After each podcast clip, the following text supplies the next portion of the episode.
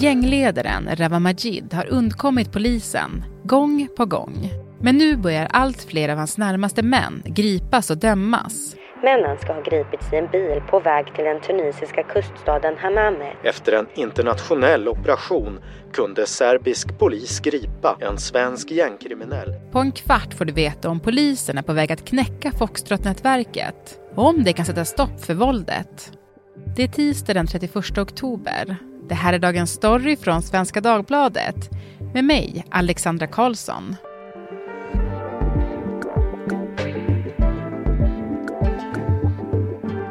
Gäst idag är Kim Malmgren, programledare för Expressenpodden Krimrummet. Du Kim, är polisen på väg att knäcka Foxtrot-nätverket? Ja, den här konflikten kanske är på väg att knäcka Foxtrot-nätverket. Sen är det då många saker som spelar in. Eh, polisen drar sitt strå till stacken men sen så tror jag att den här konflikten som de här två sidorna har hamnat i den är väldigt destruktiv för båda sidor. Det här är våldskapital och ekonomiskt kapital som man har kunnat bygga upp under lång tid som man nu bränner i en, i en rasande takt. Om vi tar då Foxtrot-nätverket. Ledaren är ju då Rawa Majid och han har ju svensk polis jagat länge utan någon framgång. Eh, men nu har flera av hans närmaste gripits utomlands. Vad är det som har hänt? Ja, det är mycket som har hänt. Det bästa kanske är att gå tillbaka till för några veckor sedan när nyheten sprids om att Rawa Majid är gripen. Mm. Det sprids uppgifter då, det är SVT de som går ut med det först, att han har gripits i Iran. Det sägs att det ska ha skett i fredags, att det har skett i samband med någon sorts trafikkontroll och att eh, det kan handla om falska ID-handlingar som har gjort att eh, han har gripits. Men det är väldigt knapphändiga uppgifter. Uppgifterna är väldigt färska och kommer inifrån den här miljön. Vi, vi på Expressen har jobbat jobbat med det här också, försökt komma eh, så nära säkra uppgifter vi kan göra. Och vi får ju också de här uppgifterna om att han har gripits i Iran. Men vad det innebär och särskilt vad det innebär med några veckors mellanrum. Det är väldigt svårt att säga. Jag, jag har försökt hålla någon sorts kontakt med polisen och fråga vad de vet och senast jag hörde så är det att de kan inte få någonting bekräftat egentligen. Mm. Det, det, som vi vet då det är att i hans frånvaro möjligen så har det funnits ett antal personer som har plockat upp manteln och fortsatt den här konflikten i, i Foxtrots namn om man säger så. Ja, det var vid åtta tiden på söndagskvällen som det startades en livesändning på en svensk rappares Instagramkonto. Dels då så har vi en, en person i Irak som höll en väldigt eh, uppmärksammad livesändning för ett tag sedan som, som man kan se som en, ett nedslag på den sidan. Där syntes en framträdande medlem ur Foxtrot-nätverket posera med vapenbärande maskerade män och göra uttalanden om sig själv i tredje person. Men sen så har vi också då de här Eh, männen från Upplandsbro som har varit lojala mot Rawa Majid under väldigt lång tid. Som har kopplingar till det kriminella Bronätverket eh, som har, vi vet att de har besökt honom flera gånger när han har varit både i irakiska Kurdistan och i Turkiet. Det är de personerna som nu sitter gripna i Tunisien. Enligt polisen i Tunisien hittades cannabis i bilen, vilket ledde till en husrannsakan där polisen påträffade ytterligare cannabis och narkotikaklassade tabletter. Vi har lite bättre uppgifter om vad som har hänt i Tunisien. Vi, vi vet när de greps. Vi vet eh, att de blev stoppade i en bil. Vi vet att de har, har misstänkts i olika omgångar för narkotikabrott och även vapenbrott. Sen finns det även uppgifter om att de misstänks för någon form av deltagande i kanske kriminell eller terroristrelaterad organisation. Där är det nog lite mer oklart än så länge vad som gäller. Enligt lokala medieuppgifter ska polisen också ha beslagtagit två pistoler. Men med de här personerna borta så är det väldigt tydligt att eh, åtminstone den här gangstersåpoperan som vi har kunnat följa i sociala medier där man hela tiden försöker hetsa mot varandra. Man, man, man skryter om sina våldsdåd och så vidare. Den har försvunnit lite i och med de här gripandena. Männen då som greps i Tunisien, är de fortfarande fängslade där då? Så vitt vi vet så är de fortfarande fängslade. De var det i slutet av förra veckan. Jag, jag försökte få insyn i vad polisen vet där också. Då, då, fick jag höra att man från svensk polis jobbar ganska intensivt med att försöka etablera en kontakt med tunisisk polis för att säkert få veta vad som är vad här. Men det här är inte ett gripande som har föranletts av svensk polis om man säger så. Så som jag förstår det i alla fall. Mm, som de har haft kriminell verksamhet i Tunisien och gripits för det? Exakt hur det går till när de grips och varför de grips det är, det är svårt att säga. Men jag, jag tror att både vad gäller gripandet med Rawa Majid och eh, gripandet av de här fem personerna. Så när man får höra i Sverige att de här personerna har gripits är det nog lätt att se på hela historien med, med svenska glasögon att ja, men polisen har gripit dem. Det måste vara för att de är kriminella och det måste finnas en, en vilja från den lokala polisen att utlämna dem till Sverige till exempel för att mm. de ska lagföras för de brott de misstänks för här. Eh, så är det nog inte alltid utan väldigt stor roll spelar i varför blir de gripna från första början? Vem ligger bakom det här gripandet? Även vad har man för mål med det här? Är det den officiella polisen? Är det säkerhetstjänsten? Eller finns det frifräsare inom de här organisationerna som har gjort det för, i syfte att sälja de här personerna till högstbjudande? Det vill säga om personens allierade betalar mer pengar så släpper man dem. Eller om någon annan betalar mer för att de ska sitta kvar så gör man det. Mm. Och att det finns sådana mekanismer i, i, delar av den här världen, det ska man nog ha med sig när man tittar på, på de här gripandena och börjar liksom fundera på vad det är som egentligen händer här. Mm. Sen så kan det också vara så att det, det, är precis som i Sverige, att de har gripits för att de har begått brott och att de kanske så småningom kommer att utlämnas till Sverige. Men vi, vi får se, det, det, är mycket som är osäkert. Mm. Man får hålla i sina naiva svenska ögon lite grann när man tittar på det. Det är ja, det och, det, och det, det, är ett helt annat väsen egentligen än de, de uppgifterna vi fick häromdagen eh, om ett gripande i Serbien. Efter en internationell operation kunde serbisk polis gripa en svensk gängkriminell misstänkt för synnerligen grovt narkotikabrott. Det är också en, en nära, eller en utpekad nära kontakt till Rawa Majid. Någon som, som ska ha varit väldigt aktiv i både vapenhandel och narkotikahandel för att förse Foxtrot, eh, ja, men en möjliggörare på hög nivå i den här miljön som grips i Belgrad den 19 oktober. Och varför det är ett helt annat gripande det är för att det har föranletts av svensk polis. Vi menar ju att han har varit den som har styrt eh, en stor del av narkotikahantering som ägt rum i Sverige. Uh, här är svensk polis inkopplade i gripandet. Så det är en helt, annan, helt andra förutsättningar än vad det är vad gäller det här, de här påstådda gripandena då i Iran och även gripandet i Tunisien. Det är en svensk medborgare som har varit föremål för polisens intresse under en längre period. Det här är från början så jag förstår det ett FRIG-ärende. FRIG är ju den, den insats som man startar någon gång i början av året för att stävja den våldsvåg som skedde då. Där man framförallt hade Foxtrot på ena sidan och Dalen-nätverket på den andra. Och eh, exakt hur, hur, deras uppdrag ser ut i början där eh, är ingenting man berättar utåt. Men så som jag har förstått det så, så siktar man in sig på infrastrukturen kring Rawa Majid. Eh, man vet att man inte kommer kunna få tag i honom för han sitter säkert i Turkiet. Däremot så äger ju brottsligheten rum i Sverige. Och här finns det en rad olika medhjälpare. Och eh, polisen har identifierat dem som olika noder. De, de, spelar en funktion.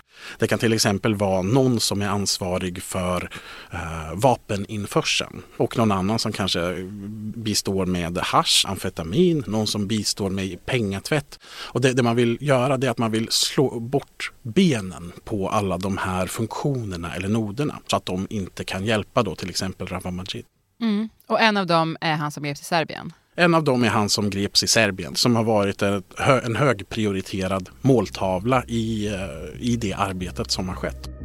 Mannen har via sin advokat nekat till anklagelserna men nu begärs han utlämnad till Sverige Mm. Och vad händer med han nu då? Det är en bra fråga. Han, han sitter i, i Serbien så vitt vi förstår det. Han är begärd utlämnad till Sverige. Uh, man kan förutsätta att när samarbetet har gått så pass långt att svensk och serbisk polis gör ett sånt här gripande tillsammans att vägen till att få honom till Sverige då utlämnad för att, eh, för att åtalas eller sitta i rättegång. Det är nog betydligt lättare än att få hem någon från till exempel Iran. Mm.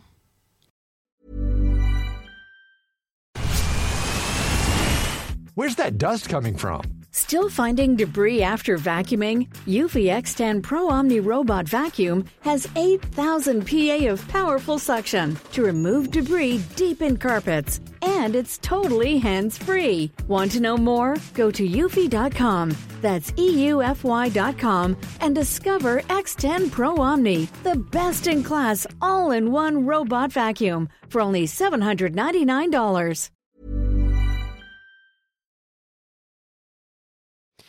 De här eh, gripandena som skedde utomlands då, de kan man väl se som eh, lite ett försvagande av Rawa Majid.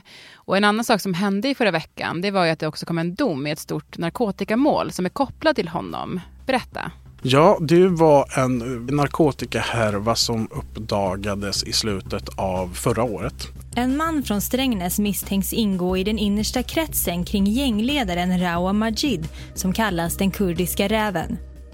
Det börjar med att tullen ser en suspekt lastbil redan sensommaren eh, som man istället då för att slå till mot bestämmer man sig för att nej, men den här ska vi utreda och se vad som egentligen händer kring den här lastbilen. Så man, man tillsätter då en stor spaningsinsats och man eh, bit för bit så kan man lägga pusselbitar där man avslöjar den här narkotikaligan. Det börjar med att man slår till norr om Stockholm på en plats och hittar flera hundra kilo narkotika.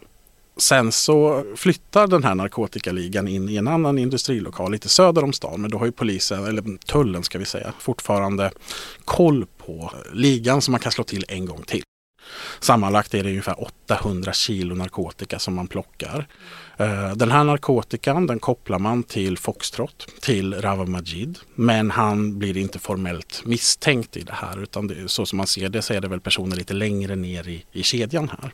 Men framförallt en person är, eh, sticker ut som viktig här. Det är en 35-årig man som har pekats ut som Rawa Majids eh, kanske främste man i Strängnäs. På bilder i förundersökningsprotokollet är mannen klädd i en träningsoverall och på lillfingret syns en guldring i form av en räv med diamanter i ögonen. Som nu döms och som har spelat någon sorts nyckelroll för Rawa Majid i det här. Eh, till den grad då att Rawa Majid spelar in röstmeddelanden och säger att honom får ni inte ringa och hota för då kommer jag att ställa till med alla möjliga våldsamma saker. Ingen rör Strängnäs. Strängnäs är mitt område och ingen ringer en gång till. Får jag höra ett enda hot? Varför är just Strängnäs en så viktig plats för Rawa Majid?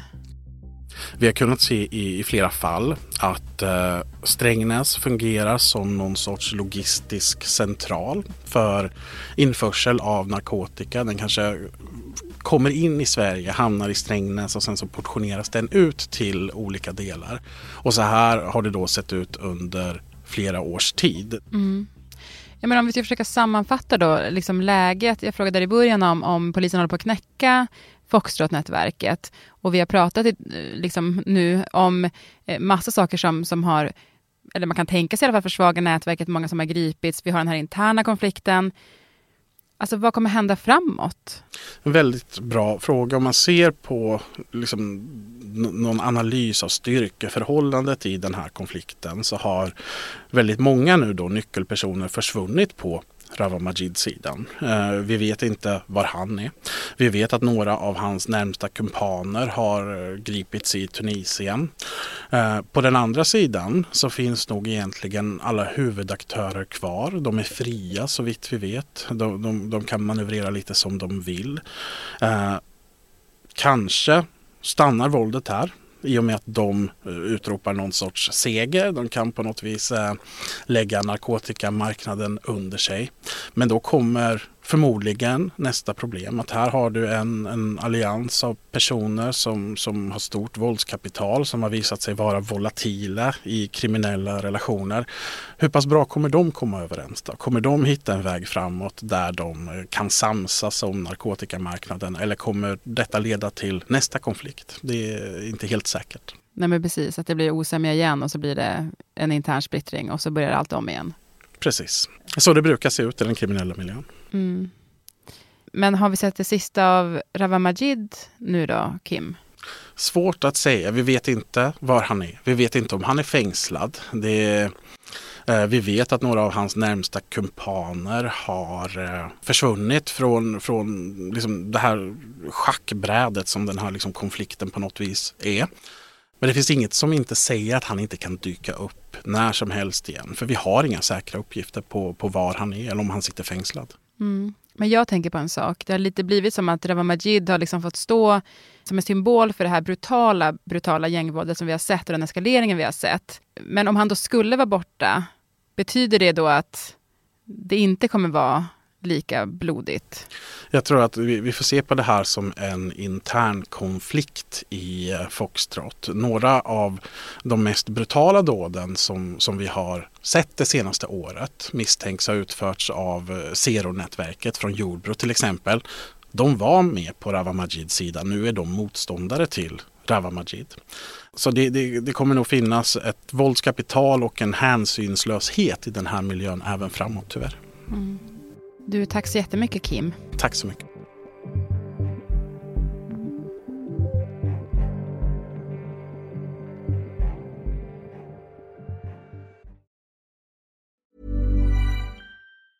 Say hello to a new era of mental health care.